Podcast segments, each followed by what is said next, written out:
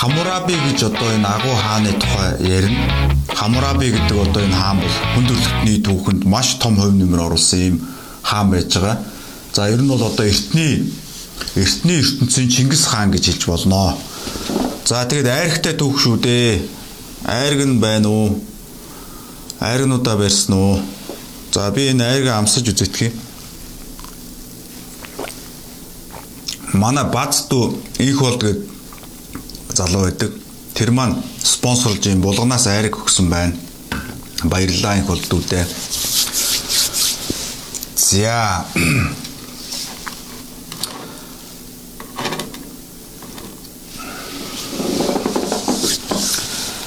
Хамураби гэдэг энэ хүн бол одоо би түрүү хэлсэн эртний дэлхийн Чингис хаан байж байгаа.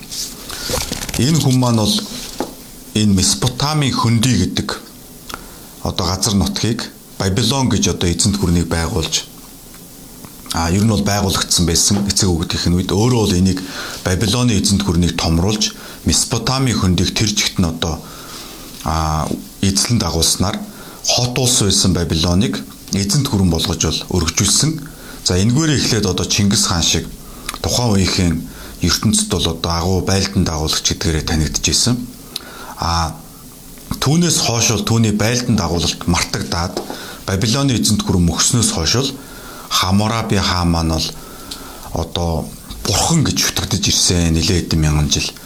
Тэгэд Хамураби хаан бол энэ Хамурабигийн код буюу Хамурабигийн хууль гэдэг имийг манай эртний өмнөх 1754 онд баталсан. За энэ маань манай эртний өмнөх 1754 он гэдэг чинь бол одоо 2020 дээр нэмнэ гэсэн үг. Тэгэхээр одоогоос 3774 жилийн өмнө буюу бараг 4000 жилийн өмнө амьдарч исэн хүний тухай бид нар ярих гээд байна. За эртний ертөнцийг тодорхойлсон юм хүн байгаа. За тэгэхээр энэ хаана байсан ямар өчтэй хүн бэ гэхээр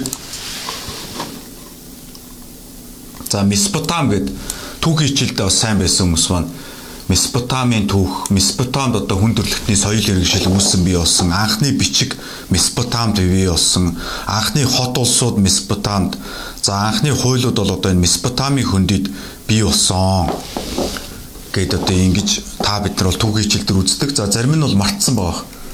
За тэгэхээр Монгол улс бол одоо энд харагдаж байна. За тэгэхээр Месопотам гэдэг бол олоход их амархан Энд Африк төв харагдаж байна энэ доор. За энэ дээр Европ байна. Тэгэхээр яг Сауди Арабын дээд талын орчин үеийн Иракийн нутаг дэвсгэр байгаа. Иракийн нутаг дэвсгэр.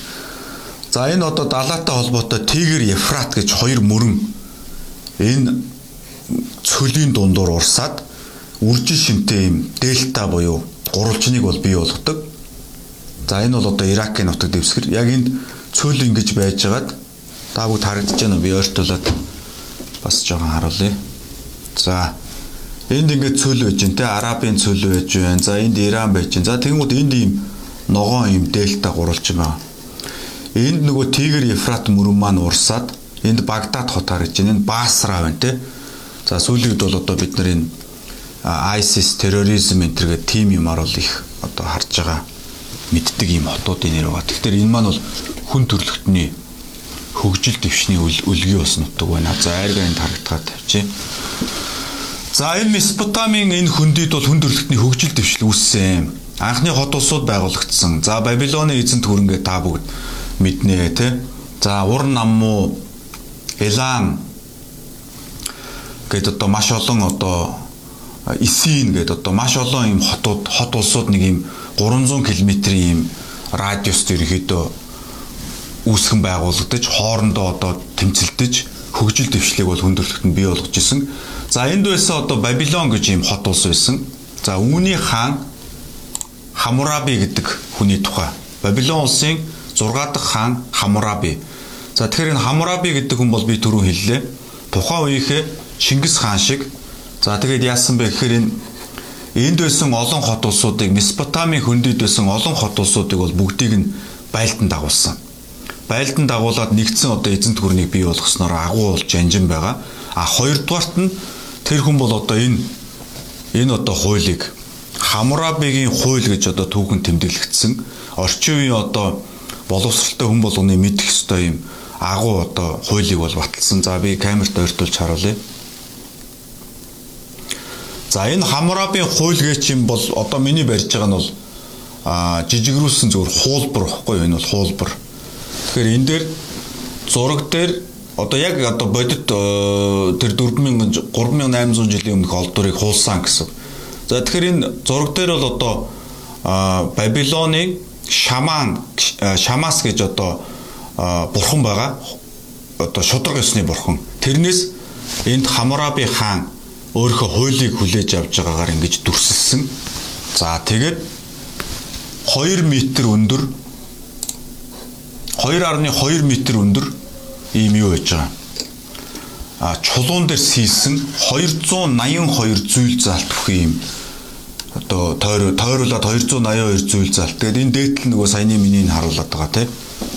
Энэ шүү дээ тийм. Энэ.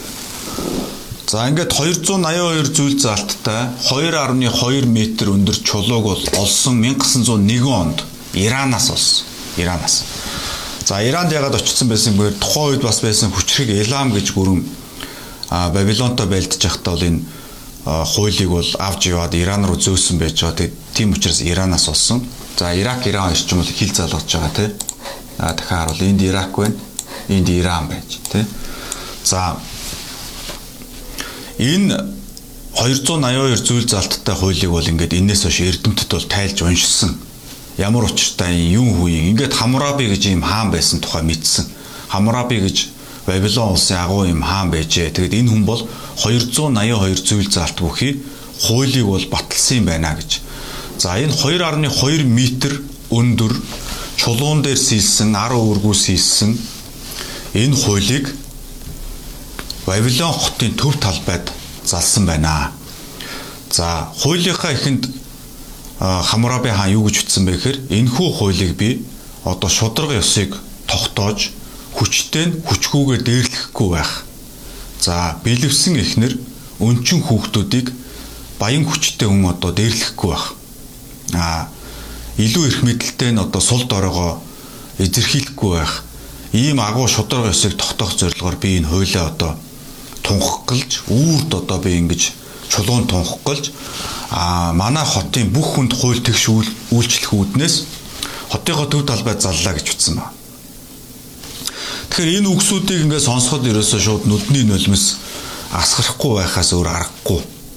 Яагаад тэгэхээр би 3770 жилийн өмнөх юмыг яриад байна. 3770 жил. Тэгээ 3770 жилийн өмнө бол хүн төрлөختөнд дөнгөж бичиг үсэг зохиогоод удаагүй ингээд байж исэн үе. За тэр үед бол одоо энэ Хамраби гэж юм агуу хаан гарч ирж байна. Нэг талдаа бол агуу жанжин одоо байлдан дагуулж маш олон улсуудыг бол өөртөө дагуулж Бабилоны хот улсыг Бабилоны эзэнт хүрэн болгосон. Хоёрдугаарт энэ хүн бол шудраг ёсыг тогтоох зорилгоор 282 зүйл заалт бүхий энэ хуулийг бол баталж гаргасан байна. За энэ 282 зүйл заалт бүхий хууль маань бол дотроо а ер нь хэд хэдэн хэсгээс бүрдэж байгаа. За эхний хэсэг бол бараг 50 орчим хувь бол ерөөсөө энэ гэрээний эрхцүү. Тэгэхээр ерөөсө хуулийн зорилго бол гэрээний эрхцүү гэдэг. Тэгэхээр гэрээнд оролцож байгаа хоёр талын эрх шгийг одоо энэ тэнцүү хамгаалах ийм зорилготой. Тэрнээс хүчтэй хүн хүчгүй хүнээ одоо даралдаг, дээрлэгдэг байж болохгүй гэсэн юм үндсэн санаа байгаа. За тэгэд манай эртний өмнөх 1754 онд бол хуулиа баталсан байна гэж түрүүн би хэлсэн. За тэгэд хуулийн одоо үндсэн зарчим бол нүдийг нүдээр, шүдийг шүдээр гэдэг ийм эрх зүйн хэллэг байдаг. Тэгэхээр хэрвээ чи хулгай хийсэн бол тэрэнд чинь тохирсон шийтгэлийг чинь чамд ононо гэсэн ийм энгийн логик явж байгаа. За тэгэд жишээлбэл одоо тэр саяны ярьж байгаа гэрээний эрх зүйдэр а мис заслын эмч хүн тэр хүнд одоо мис заслын одоо үйлчлэгээ авсан өвчтөн ямар төлбөр төлөх ёстой вэ гэдгийг чинь зохицуулж гисэн байж. За дараа нөгөө мис заслын эмч мис заслч маань алдаа гаргаад өвчтнөө алчвал яах вэ гэдгийг бас зохицуулж өгсөн. Тэр одоо өвчтнийг алсан мэс засалжийг бол одоо торгон за гарыг нь тайрн энэ төргээд ийм шийтгэлүүдийг оруулж өгсөн. Тэгэхээр энэ маань маш сонирн байгаа. Эндээс зөвхөн бид нар хууль ярьж байгаа ш тухайн үеийн нийгмийн харилцааг ойлгож байна гэж бодох хэрэгтэй. 3770 жилийн өмнө мис засалч гэж хүн байгаад тэр хүн маань төлбөртөө эрүүл мэндийн үйлчлэгээ үзүүлдэг байсан байна. А тэрэнд нь хэрвээ одоо мис засалч хүн одоо өвчтнөө санамсаргүй байдлаар ч юм уу санаатай ч юм уу алаад хайчвал ямар хууль эрх зүйн шийтгэл оногдуулах вэ гэдгийг нь Хаммураби хаан хуульчлаад хотынхоо төв талбайд 2.2 м чулуун дээр сайхан сийлээд тавиад өгсөн байж байгаа. За дараагийнх нь за жишээлбэл одоо барилгачин гэж байгаа барилгачин тийм ээ байшин бариад барьсан байшин нь чанаргүй учраас нураад дотор нь амьдарч исэн хүмүүсийг дарж алвал яах вэ гэдэг харилцааг зохицуулсан байна энэ хуулиар. За тэгэхээр 3770 жилийн өмнөх дэлхий ямар хуу байсан бэ гэдэгтэр бол одоо монголчууд бид нар бол одоо аа одоо бараг л эргүү мэдрэл шалтан нөхцөн хүмүүс явж исэн юм шиг боддог. Гэтэл ийм агсан төвшний дэлхий. За монголчууд бид бид бол одоо өөрсдөө түүхийг нэг 2200 жил гэж одоо хөөж үзэж байгаа хүннүү үрэн гэд тэ. За яг Монгол улс гэдгээрээ бол одоо энэ чинь 800 гаруй жилийн түүхтэй юм улс. Тэгэхээр тэрнээс дахиад урагшаага 3000 жилийн өмнө ийм одоо агуу хууль журам гараад ийм эдийн засгийн харилцаатай байжээ. Барилгачин гэж хүн байсан байна мис засалч гэж хүн байсан байж гэн. Тэр хүмүүсийн одоо а их үүргийг зохицуулж өгсөн байна. За жишээлбэл ингэж. Хуулийн дээр зээлийн харилцааг зохицуулж өгсөн. Зээл олгоноо. Зээл бол барьцаатай байна. Хэрвээ зээл авсан хүн зээлийг төлж чадахгүй бол барьцаагаар нь одоо энэ зээлийг нь төлж барагдуулна гэж. Маш тодорхой заасан. За өнөөдөр Монголд бол хэцүү тий Би одоо жишээлбэл одоо нэг 2012 онд ч лөө нэг хүнд зээл өгсөн байдгийн тухайд бас нэг найз майз гэл гуугаал. Тэгээ өнөөдөр 2019 он 20 он болох гэж байна. Авч чаддаг. Одоо болтол авч чаддаг. Монгол улсын хуулийн тухай дагуу гэрээгээ хийсэн. Барьцаа хөрөнгө нь ойлгомжтой тодорхой байхгүй. Шүүхийн шийдвэр гүйцэтгэхтэр очиод одоо ингээд мэдхгүй одоо шүүхтэр 3 4 жил шүүхийн шийдвэр гүйцэтгэхтэр ингээд 5 дахь жилдээ. Зээл өгсөн тий а туслах гэж одоо найздаа өгч. А барьцаа байгаа юу? Бага. Зээл төлөхгүй бол яах вэ? Одоо энэ барьцаагаар барагдвал бүх юм тодорхой. Шүүхтэр очсон уу? Очсон. Шүүхтэр юу гэсэн? Зээл өгсөн юм байна, зээлийг төлөөгүй юм байна. Ойлгомжтой. За, барьцаа нь байгаа юм байна. Заацсан юм байна. За тэгвэл энэ барьцаагаар нь зээлийн хаага шийдвэр гарсан уу? Гарсан. Шүүхийн шийдвэр гүйцэтгэх газар ямар үүрэгтэй? Шүүхийн шийдвэрийг биелүүлэх гэж. Гэтэл тэнд одоо ингээ очиод сайхан 4 5 жил болоод сууж байгаа. Тэгээд Өнөөдөр явхтай Хаммурапи хааны зохиосон одоо 3700 жилийн өмнө зохиосон энэ хуулийг бол бид нэр хөөрхий хуулаад явж байгаа. Бидний нэг зохиосон хууль мөл гэдэг юм бол байхгүй шүү дээ. Тэгээд ингээд хуулбар хуулиа сайн ойлгоогүй иймэрхүү маягтай бол бид нар явж байгаа. Аа мөнгө өгсөн хүн нь одоо хохироод явж идэг байх гэдэг шүү дээ ер нь. За тэгээд зээлтэй холбоотой бас юу гэсэн бэ гэхээр зээлийн гэрээг зөвхөн бичгээр хийнэ бичгээр хийгээгүй зээлийн гэрээг хүчингү өгч. Та хэд боддоо 3770 жилийн өмнө зээлийн гэрээг бичгээр хийгээг бол хүчингү шүү гэж зааж. За дахиад юу гэж байгаа. За энэ дээр одоо одоо ар гэрээ одоо араар нь тавих тийм ээ. Хань ижлээ одоо араар нь тавих ёс бус юм садар самуу харилцаа үүсгэсэн бол яах вэ гэдэг энэ хуулиар зохицуулж өгсөн. За өв залгамжлалыг зохицуулж өгсөн. Аав нь одоо хүүхдүүдтэй мөнгө төгрөгөө яаж өвлүүлэх юм бэ? Ээж нь хүүхдүүдэд яаж мөнгө төгрөгөө өвлүүлж өгөх юм бэ гэдгийг бол зохицуулж өгсөн байна энэ хуулиар. За салвал яах вэ? Эмэгтэй хүн бол нөхрөөсөө салж болно гэж. За салахын тулд ямар одоо процесс юмар явах вэ гэдгийг бүгдийг нь сайхан зохицуулж өгсөн. За бас нэг юм сонин одоо маш сонин юм заалт байж байгаа. 282 зүйл заалт дотор хэрвээ шүүгч хүн буруу шийдвэр гаргасан бол тэр хүний шүүгчийн оногдуулсан торгуулийг өөрөөр нь одоо нугалж төлөвлөнө гэж. Шүүгчин буруу шийдвэр гаргах гэдэг шүү дээ. Одоо хүнийг ганц зөргөө чи одоо буруутай гэдэг тэгээ надаар одоо мөнгө торгуул төлөвлөлт хэд гэдгийг одоо сая төгрөний торгуул. А гэтэл шүүгчийн гаргасан энэ шийдвэр нь буруу байх юм бол шүүгчээр өөрөөр нь нугалж төлөвлөнө гэж. Хэрвээ шүүгч удаа дараалан буруу шийдвэр гаргах юм бол тэр хүний шүүх эрхийг нь насаар нь одоо цуцална гэж. Дахиж шүүгч хийлэхгүй гэж. Боддоо та бүгд 3770 жилийн өмнө шүүгч гэж хүн хааны дүүш хамаатан биш байсан биз дээ. Бодолтой. Тийм ээ. Яг тэр хуулийн зүйл залтаас шууд ойлгож байна. Шүүгч хүн буруу шийдвэр гаргах юм бол насаар нь шүүх эрхийг нь хорино гэж. Юу гэсэн үг гэхээр шүүгч гэдэг бол тусдаа мэрэгжил байсан байна. Энэ хүн мэрэгчлээ хайн хандаад удаа дараа хүмүүсийг ёс бус буруу зөрүү ингээд шүүгээд байх юм бол тэр хүний шүүх эрхийг нь одоо хориод шүүгч байх одоо эрхийг нь цуцална гэж. Энд ч одоо юу гэсэн үг вэ те. За өнөөдөр Монгол улсад шүүгчнэр одоо шудраг бус гэдэлд одоо бас зөндөө ярьдаг. А авилга авдаг авдаггүй гэл нийгэм цөлийн 30 жил яригдж байгаа асуудал. За тэгээ сая одоо 17 шүүгч гээл одоо шалгаал барайл ингээл явж. А гэтэл өнөөдөр Монголын шүүгчнэр буруу шийдвэр гаргаад жишээ нь хариуцлага хүлээдэг юм уу? Тэ? Шүүгч хүний алдчихгүй ямар юу юу ч гэнэ үү ийм байж болдго юм уу нь? А барилгын одоо барилгаа чанаргүй ирсэн хариуцлага хүлээдэг юм уу? Тэ? Ийм одоо харилцаанууд чинь 3700 4000 жилийн өмнө заагаад өгсөн байсан байна. За тэгэд шүүх үйл ажиллагаатай холбоотой одоо энэ 167 дугаар зүйл залтыг би энд уншиж байна л да. Юу гэж байгаа вөхөр хэрвээ хэрвээ иргэн хүн шүүх хурал дээр худал мэдүүлэг өгсөн. Худал мэдүүлэг өгсөн. Гэхдээ энэ нь хэрвээ одоо цаазаар авах ялтай гэмт хэргийн хувьд худал мэдүүлэг өгсөн бол тэр худал мэдүүлэг өгсөн хүнийг өөрийг нь цаазлна гэж. Юу гэсэн үг вэхээр одоо нэг хүн хүнийг гүтгэх нь шүү дээ. Энэ хүн одоо хулгай хийсэн ч гэдэг юм уу хүн алсан гэдээ одоо нэг хүнийг гүтгэж худал хуурмаг мэдүүлэг өгж буюу нөгөө одоо этгээдийг бол одоо цаазаар авах төвшний ял олгуулах төвшний ийм худал мэдүүлэг өгвөл тэгээ тэр нь баригдах юм бол өөрийг нь цаазаар навна гэж. Тэгэхээр энд чинь нөгөө орчин үеийн л манай хууль одоо иргэн ирүүгийн хуульд байдаг бүх зүйл залтууд одоо энд байна. Тэгэхээр ийм агуу хаан байсан байна. Амьд үедээ бол одоо Чингис хаан шиг агуу стратегч, байлдан дагуулагч гэж шүтэгдэж исэн. За үүнээс хойш одоо олон мянган жилд бол одоо нэг хэсэг бурхан гэж шүтэгдээд нэг хэсэг бол одоо шудраг ёсыг тогтоогч гэж шүтэгдсэн. За тэгээ энэ Месопотамийн сав газар байгаа тий. За хаана энэ За Месопотам гэдэг маань ерөөсөө энэ байгаа. За жоохон гэлагаад харагдахгүй байна. Би жоохон ойртуулж фокусыг нь тааруулж харуулъя. Аа за.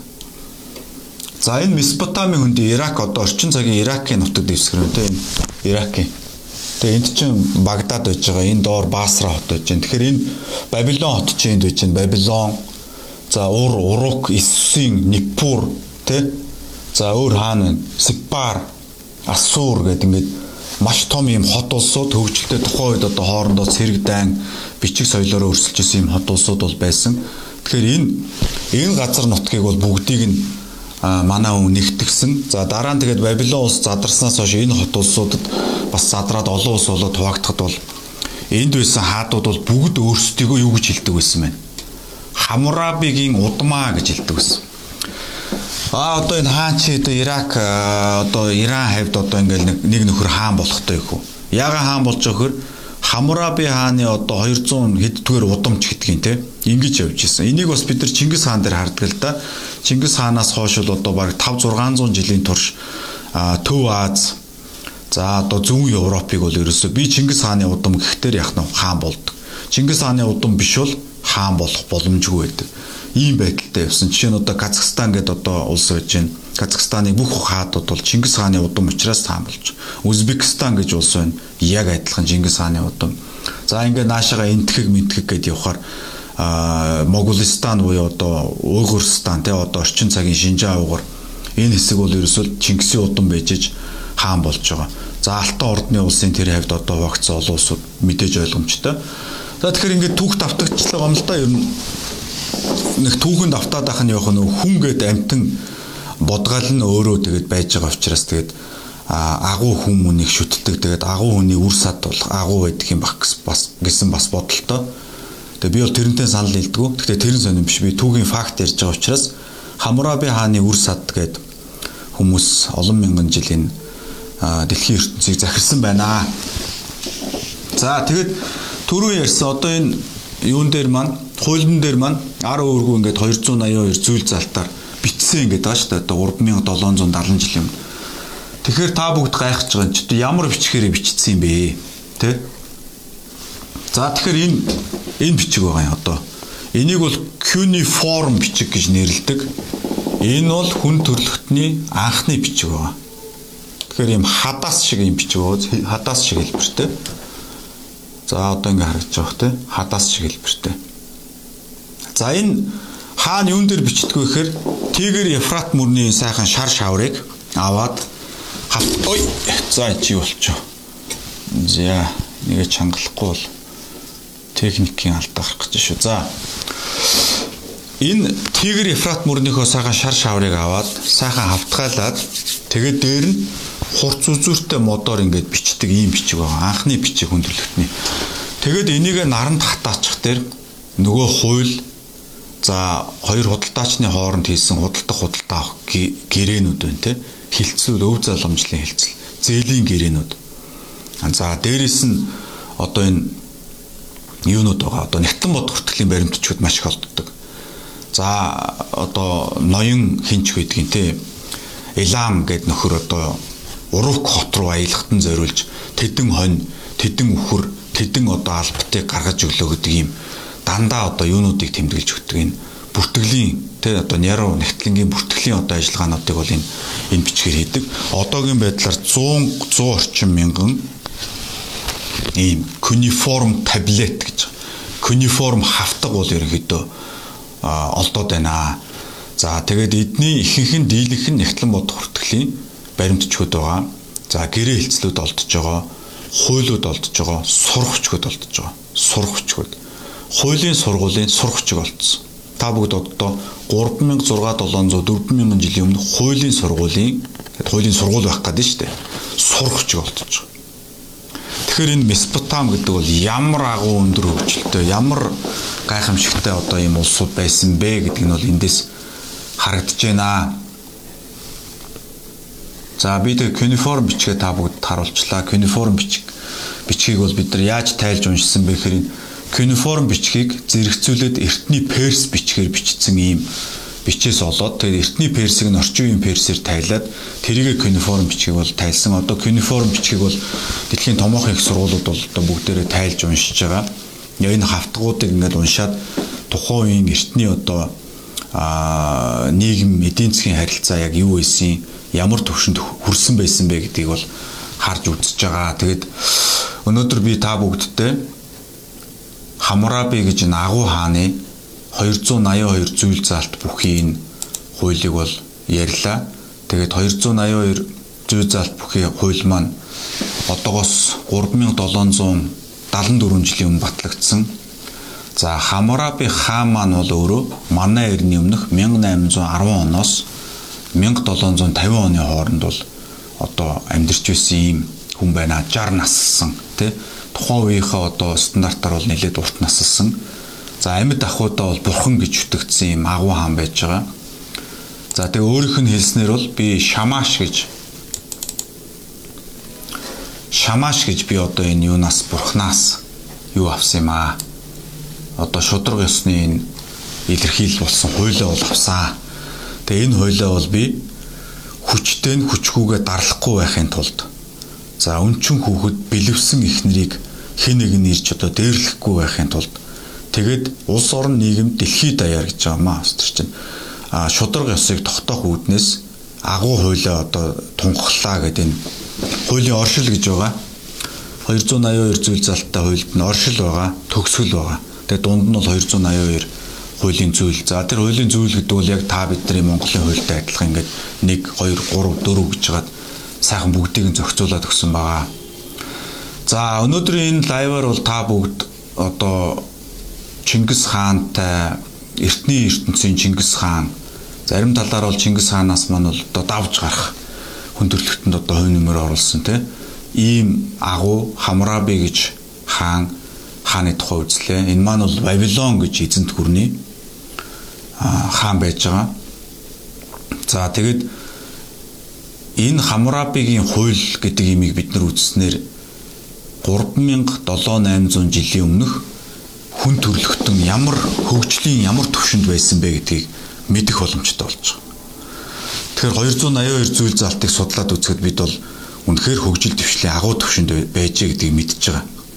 Мэдж байгаа. Тухайн үеийн нийгмийн харилцаа тэнд шүүгч гэж хүн байсан байна шүүгчэн буруу шийдвэр гаргаад удаа дараа гаргаад байвал одоо шүүх хэрхээ асуулдаг байж тэнд барилгачин гэж хүн байж барилгачин гэж хүн чанаргүй барилга барих юм бол хариуцлага хүлээдэг байсан байна. Тэнд мес засалч гэж хүн байсан байна.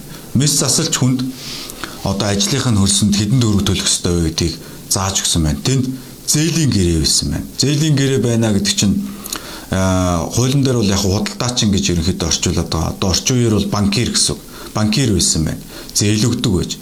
За тэгээд тэр зээл дээрээ бүр сайхан юу заагаад өгсөн байгаа шүү дээ. Зээлийн хүүгийн дээд хэмжээг зааж өгсөн байгаа.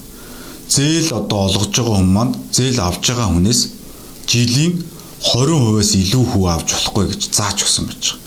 За өөрөөр хэлбэл одоо яг буруугаар битгий ойлгоорой. Зээл гэдэг юмны хүүнд бол хязгаар тогтоож болохгүй. А гэхдээ мөнгө хүлээлт гэдэг юмыг бол хорих хэрэгтэй байдаг. Тэгээ өнөөдөр яг уу сая 2016 7 8 онд бол монголчууд маань мөнгө хүлээлт зээл хоёроо сайн ялгахгүй бас жоохон зээлийн хүнд хязгаар тогтооно энэ гэж бас жоохон ийм дэлхийд байхгүй юм бол ярьсан.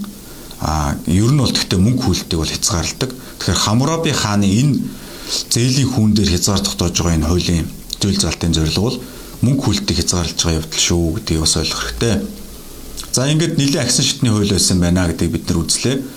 За Хамураби хааны хуулийн орчлыг ингээд уншаад хараад үзэхээр ер нь бол одоо бас би түрүүн анх лайвынхаа ихэнд хэлсэн нулимс гарахаас одоо өөр аргагүй гэж. Өнөөдөр 2019 онд өнөөдөр штэ Монгол улсад те хурдан машин унсан, ганган онгоц хөлөөлсөн, үнтэй гар утас одоо хувц сунар өмссөн, гэрээрээ дүүрэн одоо ном зохиол өрсөн. За өдөртөө яадаг ч нөө фэйсбүүкээр дамжуулж хичнээн мэдээлэл авдаг гэнэ үү те. 1800 оны Англи улсад одоо амьдарч ирсэн хүний нэг жилд авдаг мэдээллийг орчин үеийн хүн бол одоо яадаг гэлээ нэг хоногийн дотор авдаг гэлээ даврах тийм ийм мөртлөө ухамсар ёс суртахууны хувьд 3770 жилийн өмнө амьдарч байсан Хамураби хааны чигчийн урууны хумсны толионд хүрэхгүй ийм хүмүүс өнөөдөр улс орныг удирдах байна. Ийм хүмүүс өнөөдөр одоо энэ улсын лидер гэж зөвхөн улс төрчийг би яриаг.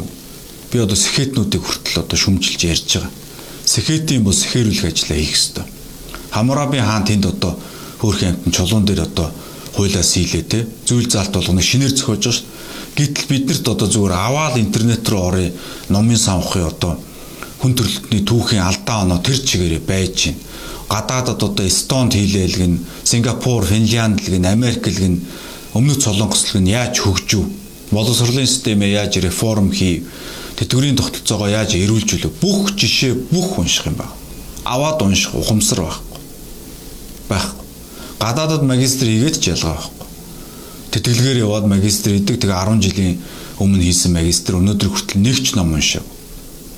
Тэгэхээр энэ бол одоо хүний ухамсар гэдэг бол одоо энэ мүү хөөрхий Хамраби хааны үед ямар юмны одоо тий магадгүй номын сан одоо юу байх вэ чулуун дээр бичээд зууж байгаа усууч дээ Тэгэхэд сэтгэл байвал ингэж болдго юм байна. Улс орныхоо хүн болгонд өөрийн баталсан хуулиа нээлттэй хэрэгжүүлэхийн тулд 2.2 м өндөр чулуун дээр хуулиа сийлээд хотынхоо төв талбайд тавьсан гэж дээ. Энэ хүн 3-7 жил юм. Гэхдээ манай сэхэтнүүд хаана явнаа? Та хэд маань сэрээч хаана явнаа? Энэ хүн ардад төрөх. Би одоо өнөөдөр аригтай лайв гэдээ бас нэг одоо яг 177 үзэж байна. 177 үз хүрчихлээ. Та хэд маань хаана явна? Нөхдөө. Номноосоо гараач, сургуулаасаа гараач. 30 хүүхдэд юм заах сонирм биш. Өнөөдөр 3 сая хүний одоо бид нар бодох хэрэгтэй. Энэ улс төрчнөр одоо энэ хамрааби гэж одоо юм мэдхүү. Мойсийн хуулийн сургууль заадаг юм уу энэ ч одоо ер нь. Тэ? Заахтаа тэгэд хамрааби гэж хүн байсан шүү. Тэдэн онд өгсөн, нас орсон гэд ингээд заадаг юм уу? Эсвэл тэр хүний зүрх сэтгэл ёс суртахуун тий тэрийг нь зааж ойлгуулд юм. Өнөөдөр сургуульд түүхийн хичээл зааж байна. Түүхийн хичээл заахаараа Юли Цезар тэдэн онд төрсөн тэдэн онд нас орсон. Цэжил, цэжилсэн үү? Суу онц. Сайн байна, мундаг өн чи онц сурлахад ингээ гарч. Гэтэл Юли Цезар гэдэг хүний зүрх сэтгэл, итгэл үнэмшил. Тэр хүний одоо тэр ард түмнийхээ төлөө гэсэн сэтгэлийн талаар нэг ч ойлголт өгдөг. Юу ч заадаг ийм түүхийн хичээл, ийм боловсролын систем гэж одоо дэлхийд байна уу юм тийм ээ. Тэгэхээр бид нар би зүгээр түүхийн багш нарыг шүүмжилж байгаа биш шүү. Бас зөөр ойлгох хэрэгтэй. Тэр түүхийн багш чинь боловсролын яамнаас баталж өгсөн бодлогыг л одоо зааж байгаа. Тэгээ боловсролын яам юу хийж байна? Тэр мундаг сайд дарга одоо хүмүүс юу хийгээд байна? Тийм ээ. Ийм л асуудал одоо өнөөдөр хөндөж байгаа. Тэгэхээр айрхтай түүх лавын зорилго бол ерөөсөө тэр хүн төрлөختний агуу түүхүүдээр дамжуулаад өнөөдөр Монгол улсад болохгүй байгаа бүх асуудлыг бид нар тайлж тавьж.